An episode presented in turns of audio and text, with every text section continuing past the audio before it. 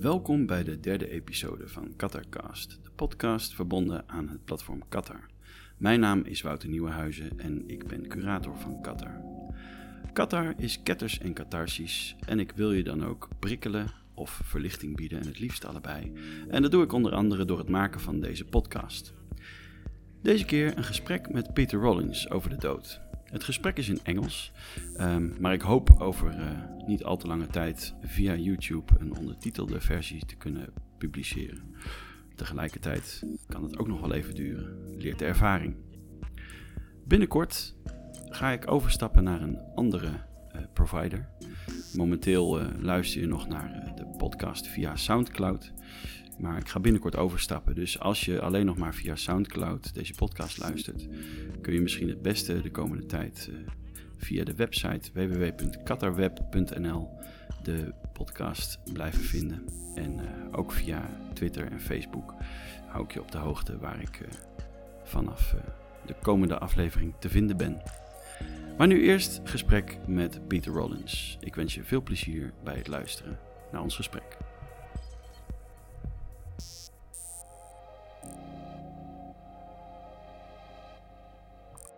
Yeah, so I'm from Belfast, Northern Ireland. Uh, currently live in America. Uh, I'm a writer um, and speaker uh, in the area of kind of philosophy and radical theology. Um, I've written a number of books that really explore Christianity, but um, not as a religion that protects us from death and protects us from unknowing and protects us from anxiety, but rather an idea of of can Christianity and can religion be uh, be something that can help us actually confront death and anxiety and unknowing?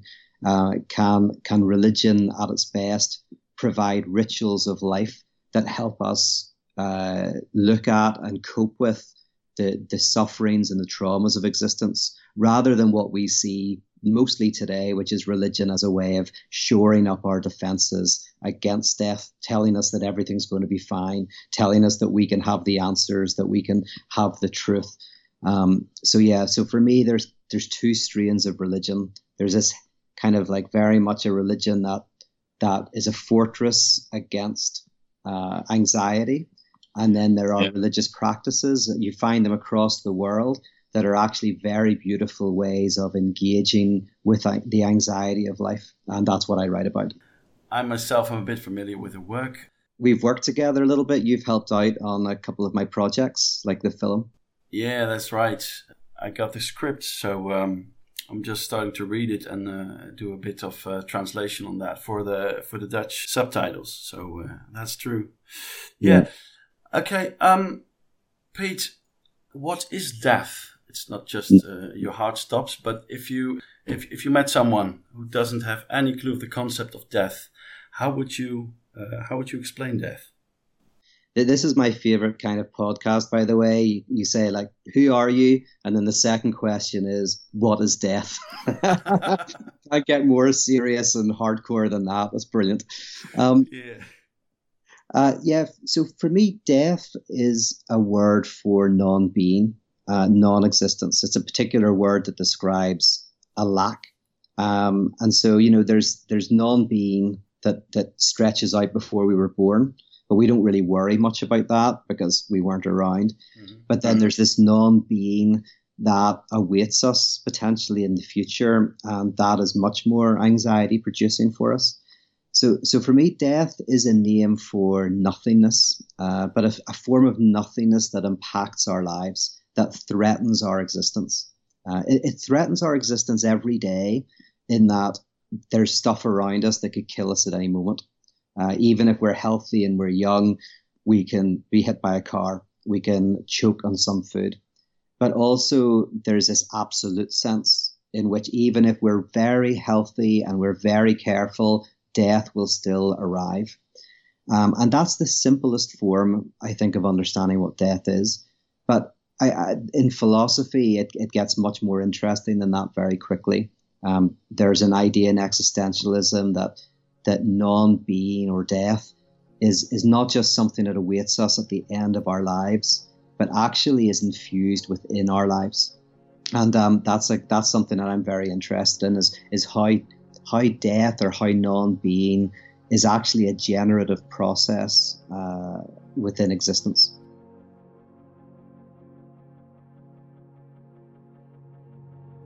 How does that work? Uh, you say it's infused within our lives. Um, how, how is death infused within our lives? It... If we if we think about death as as non-being, then uh, Paul Tillich, uh, the theologian and philosopher, he he talked about three ways that non-being is infused within our lives. Um, the first is, uh, is is death. But so even though we're not dead, we can fear it. It kind of makes an impact in our lives. But the second is guilt. Guilt is simply the name for not living up to what you would want to live up to. So you're not living up to your ideal. So there's a lack there. I am I am lacking my own being. I'm being inhumane or I'm acting less than I should be. And then the third is um, the sense of purposelessness, the sense that maybe my life has no meaning. And that again is a lack. That's a lack of having purpose, a lack of having meaning. So, so to be human is to really live between who we are and who we'd like to be, and is to live between what we have and what we would like to have. And that space of the in between that we live in is a space in which non being uh, impacts us. So, as I say, like I, I lack knowledge, I have doubts and unknowing, I, I don't live up to some ideal that I would like to live up to. These are all ways in which nothingness and lack um, actually impact me. And the, and the word for this in uh, psychoanalysis is anxiety. Like anxiety, in a sense, is the experience of confronting non being, confronting lack. And what we often try to do is try to escape that anxiety by turning to religion, by turning to, to money, by turning to fame, to, to anything that seems to promise that we can actually get rid of this lack that we experience at the core of our being. In fact, one, one final thing, sorry, is that there's a basic theological term for this. Um, Pascal had, where he said we all have. I, he, he said it was a God-shaped hole, but this kind of gap that we feel in the core of our being from when we're young that we try to fill up in all sorts of ways. It might be by becoming president of the United States. It might be through stamp collecting, but all manner of ways that we try to fill this this lack. And um, that uh, that theological concept is also taken up in existentialism. It's taken up in psychoanalysis. Uh, it's it's part of what it means to be human. I, I can't seem to put my finger on it. Why that is not making me to want to kill myself right away. On the on the surface, it sounds so um, uh, so depressing, but in a way, it isn't. But but how's that? Yeah, I mean, it can be the very this experience of lack can be incredibly damaging to us. It's something like you can see it, you know, in, in obsessive compulsive behavior that, you know, people can't leave the house.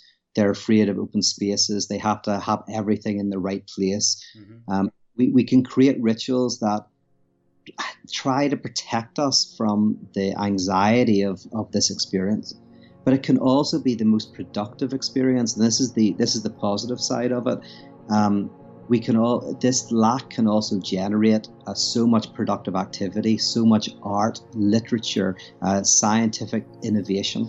In fact, one of the ways you could think of being human is that this lack is what has driven all of the innovation we see in in life. That actually one of the big differences between ourselves and apes is that they don't seem to have this this lack and therefore this drive that that is part of being human.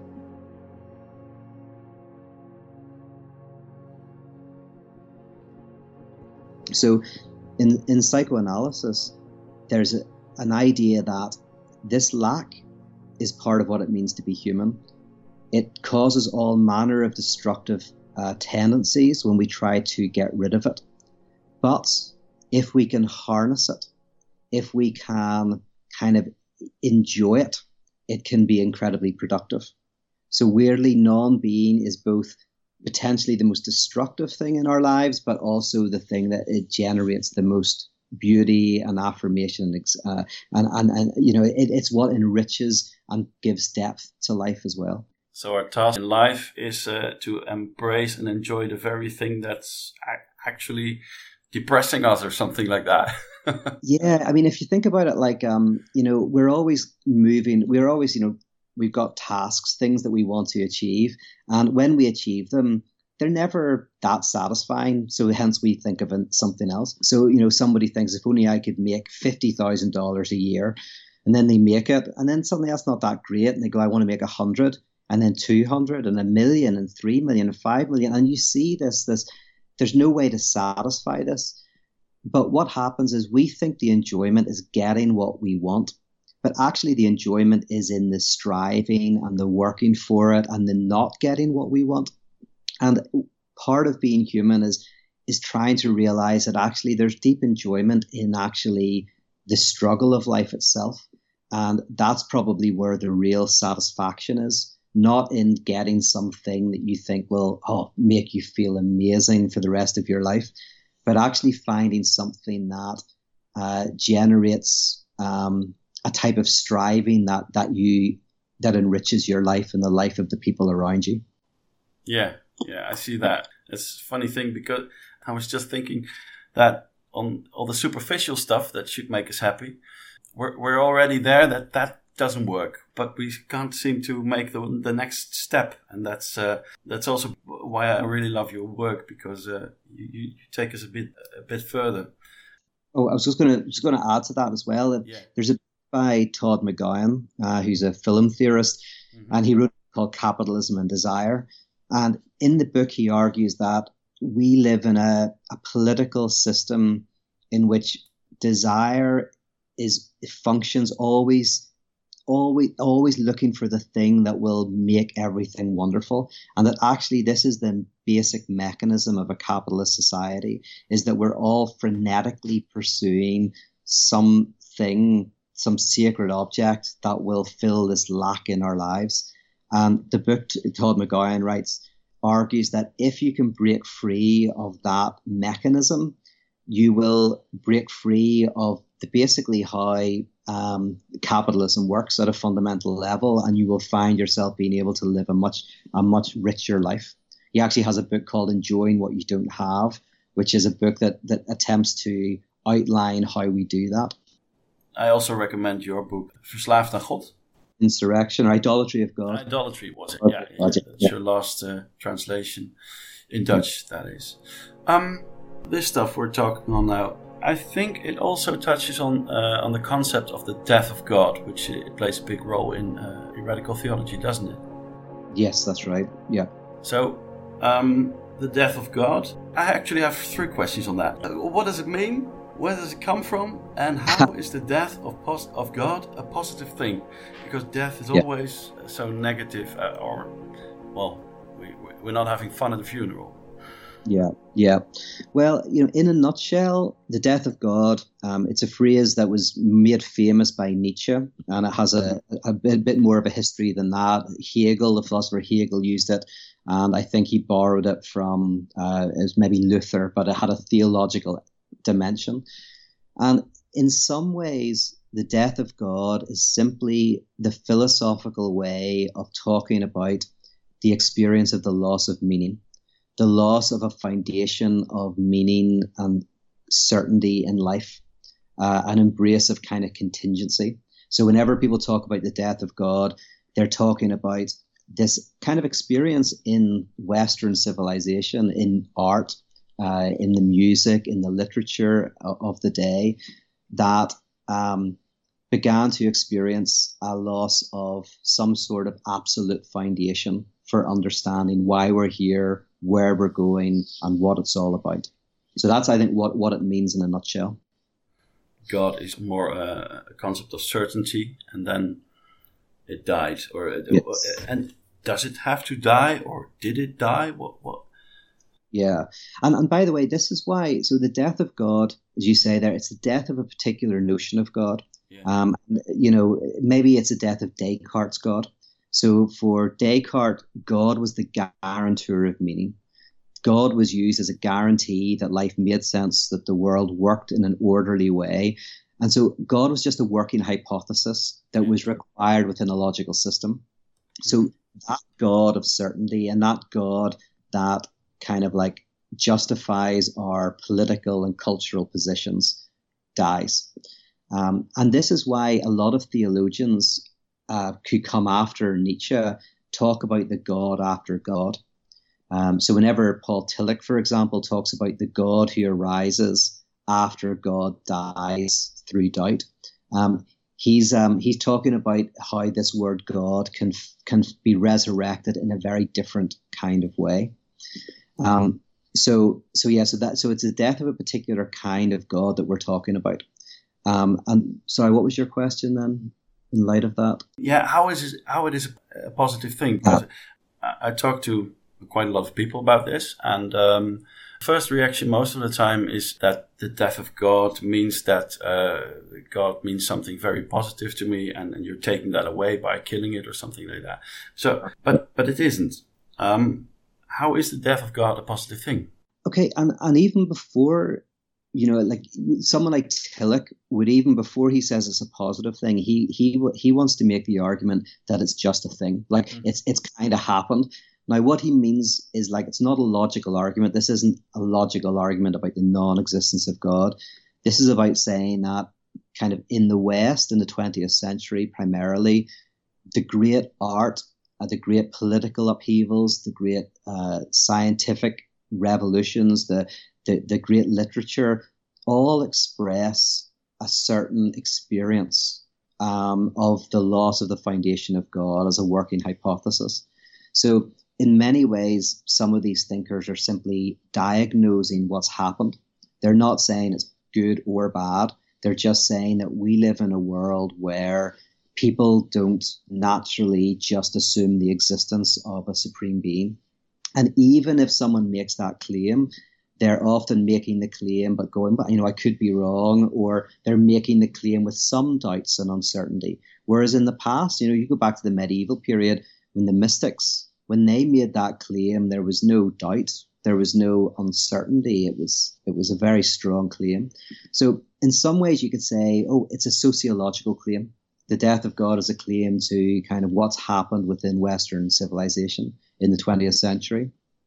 However, and you you bring this up is you can also read it as an opportunity for a different way of understanding our place in the world, a different way of conceptualizing uh, politics and ethics and religion.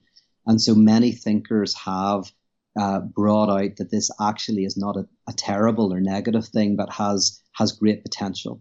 In fact, existentialism is probably one of the early kind of 20th century philosophies that really try to see the good in this. And ironically, existentialism is very closely connected with Christianity. I mean, Kierkegaard is kind of the, the founder, really, of existentialism, and he was a very devout uh, a Christian.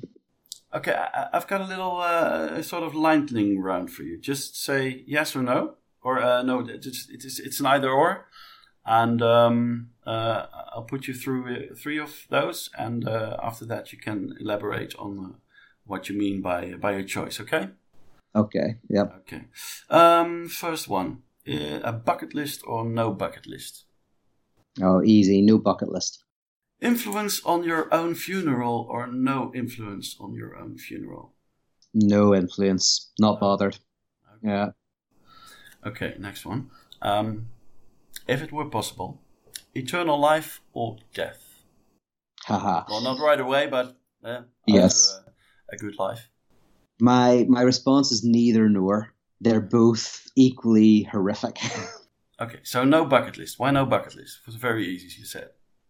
Yeah, because to be honest, this is actually part of my philosophy. Is that that this is the very thing we need to be freed from. A bucket list is, in a sense, these things that I have to do it before I die, and that is, can be exciting and fun. But actually, um, I at, at, this point in my life, I'm in my 40s now. I feel like um, I actually really enjoy not having all of these things that I have to do. Uh, I really enjoy kind of not achieving, which sounds weird because I enjoy writing, I enjoy the work that I do, but not as a goal. Like I never, no, I don't write now to publish. If if I publish, that's a, a nice little bonus. Mm-hmm. So yeah, no bucket list just because I'm very lazy, um, but also because um, I try to I try not to get too caught up in things that I have to do before I'd be happy. Okay, cool. And um, your own funeral, you uh, you let that to others. Yeah, I think um, you know you end up having a symbolic life after death, so you continue to live after death in other people and symbolically, and and in some respects, I've never thought about it before, but when you ask the question, I think, oh, it would be nice for people to express my life in their own way and their own words. I'm not around anymore, so you know, leaving your funeral to those who know you best might be a scary thing, but also perhaps it's it's a way in which you continue to live uh, in their memories. Oh, that's a nice one. It was um, it was Simon Critchley who uh, who said the afterlife are the lives of those that come after me. Um, how do you hope to live on in other in the ones that come after you? It's difficult um, because sometimes you know, we could, that's a that's a secular way of, of, of thinking about eternal life, and it's quite a beautiful way of thinking about life, uh, eternal life. Um, but uh, I'm too busy thinking about what I want to do before I die, I guess, than, to, than to think about what. I mean, I guess this, but if, if, if I was to contribute something to the world, something small, I, I'm part of a conversation that's been going on for thousands of years. The conversation of theology and philosophy. And that's a conversation that will go on thousands of years after I die, hopefully. And I would love to to offer some drop in the ocean of that conversation that is of some use uh, to somebody. Um, so yeah, there you go. That would be nice. Eternal life and death are equally horrific. How's that? Yeah, it, this is, I suppose, um, Kant, Immanuel Kant once had uh, this idea called aporias, where he said, you know, when you take these big metaphysical concepts like freedom or determinism and you push them both to their logical extremes, yeah. they can both seem either right or wrong, right? You know, and I feel this way about eternal life and death is pushed to their extremes. They can both either seem like wonderful things or terrible things. So, for example, um, there's this Greek notion that if you have no death, then you cannot appreciate life that we shouldn't be jealous of the gods. The gods are jealous of us because they don't know what it is to have something, because they don't know what it is to lose something. They don't know what it is to be brave because they've got nothing that's under threat. They, they don't know what it's like to love uh, and all the fears and wonder of that because they don't know the, the, the, the frailty of love. Basically, they don't know how to live because they can't die. And the whole task of the gods is to descend into life to live and to die with humans. But whereas, you know, you, and then you think about eternal life, at first that sounds wonderful. But if you think about eternal life purely as the continuation of existence, then that doesn't necessarily mean anything good. Like Nietzsche basically said that if if if you can't enjoy your life, uh, living forever wouldn't be a blessing; it would be a curse. So, in one sense, what's more important to being human is, is can we enjoy the depth of life here and now rather than just the uh, prolonging of life into all eternity? So, there are all these interesting ways of thinking about it. Uh, but interestingly, in Christian theology, eternal life generally means not the the elongation of your life forever? That's a medical question. That's a biological question. That's a question for technology. You mean physical life for that? Yeah, physical life, yes, because yeah. technology yeah. might be able to answer that question. Like, very conceivably, we may be able to live for hundreds, thousands, millions of years um, when te- if technology continues to improve. But the, the question in Christian theology is can we have a, a, a depth of life now? So the eternity is not kind of a, uh, horizontal, it's vertical. Eternal life is an infinite depth of life in the here and now. And uh, that's really what I'm more interested in.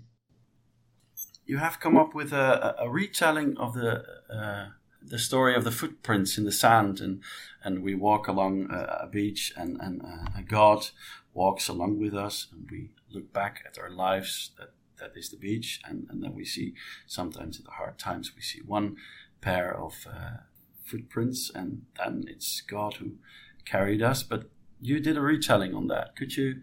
Could you? Yeah.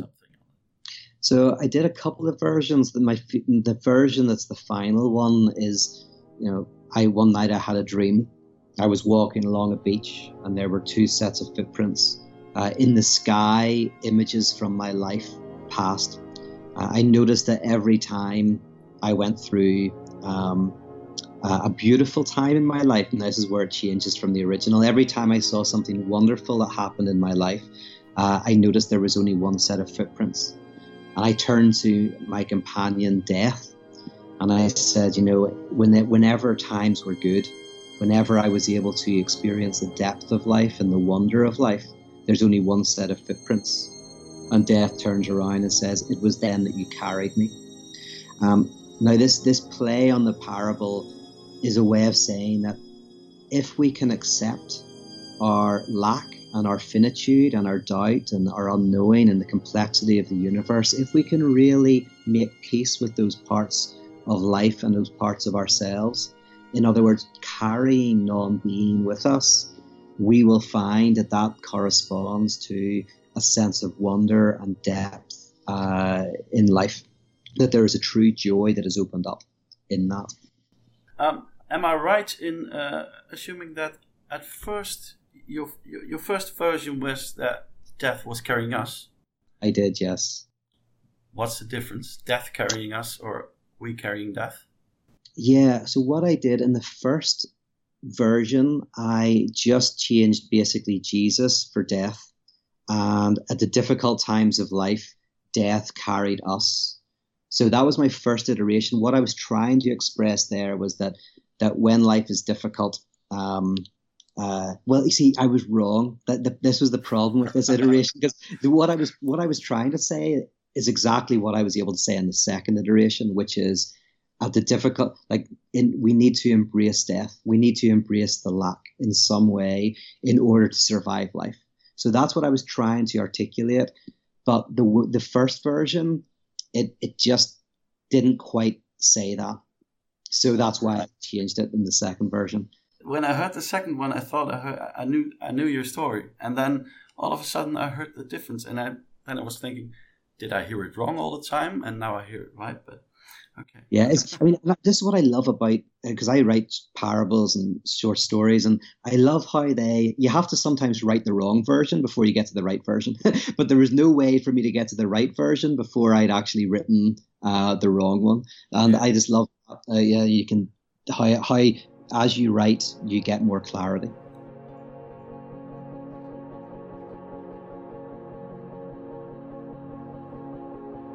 The greatest song on death. What is that? Well, you know, at first, whenever um, you mentioned you were going to ask me that, I couldn't think of anything. but then I remembered I'm about to run a course called The Atheism for Lent, which is all about actually the subject we're talking about. It's yeah. it's 40 days where different reflections that are designed to get us to question our life and our beliefs.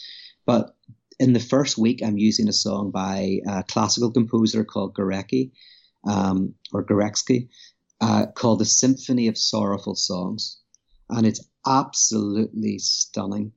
Uh, he's a Polish composer the Symphony of Sorrowful Songs is uh, at least one of the movements is, is directly about uh, the death camps, um, and it's about um, the, the the loss of life, yeah. and also the, the symphony as a whole is about a separation between a mother and a child. And to be honest, I don't listen to much classical music; doesn't generally do much for me. But the Symphony of Sorrowful Songs, I think, is an incredible meditation on separation and loss and and and death. So yeah, I'd recommend people listen to that. Yeah, put it in the playlist. yeah, not not when you're about to go out to a party. it's not party music.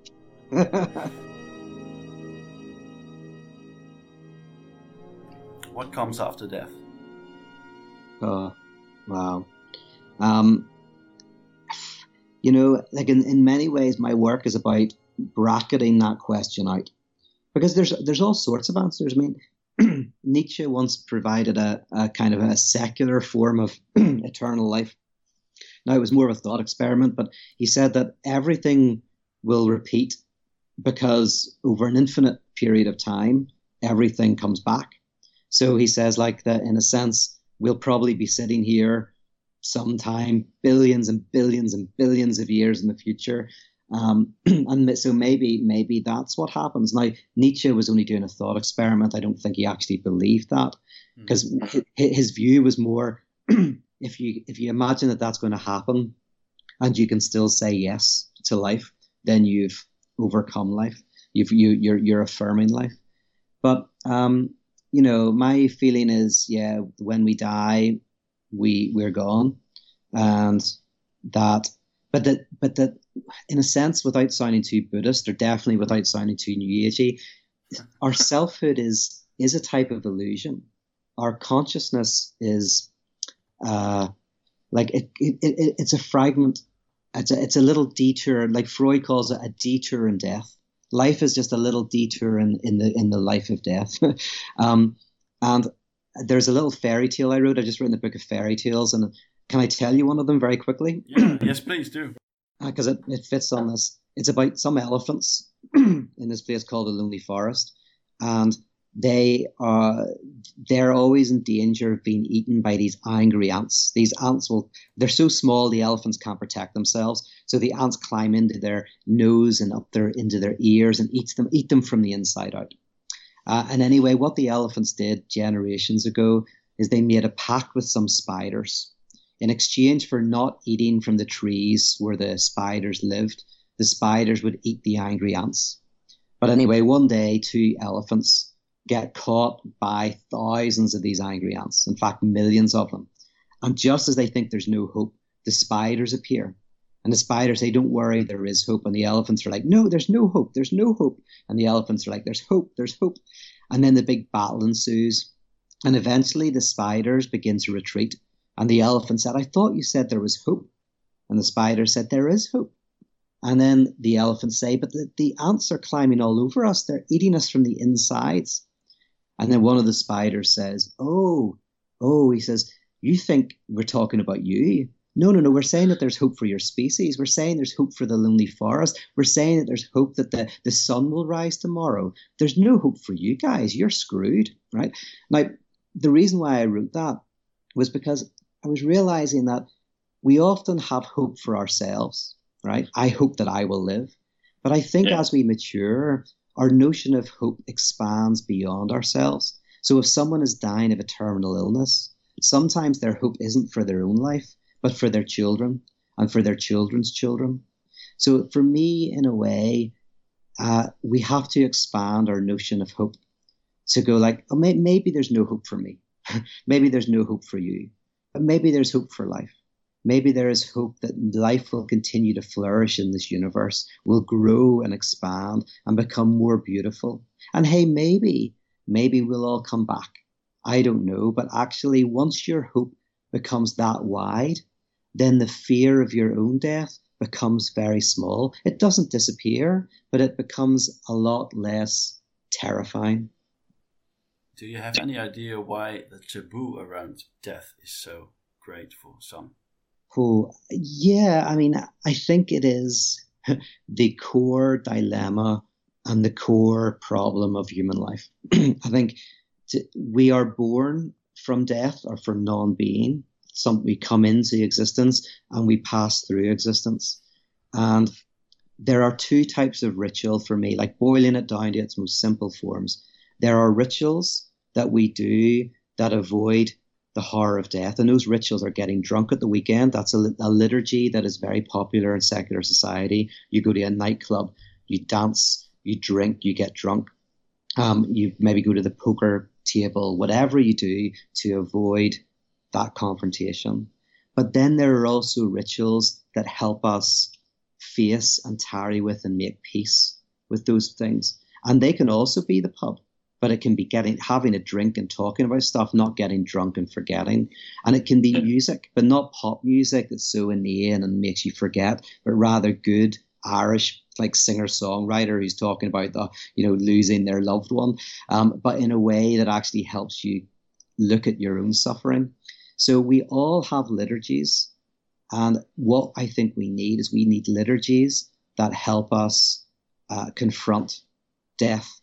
Um, and, and those liturgies might be found in the pub or the poker room or the coffee shop or the confessional. But wherever you find those rituals, um, hold on to them. And we, and of course, we always have little moments when we forget. There's no problems going to the cinema or going and getting drunk and trying to forget your problems occasionally.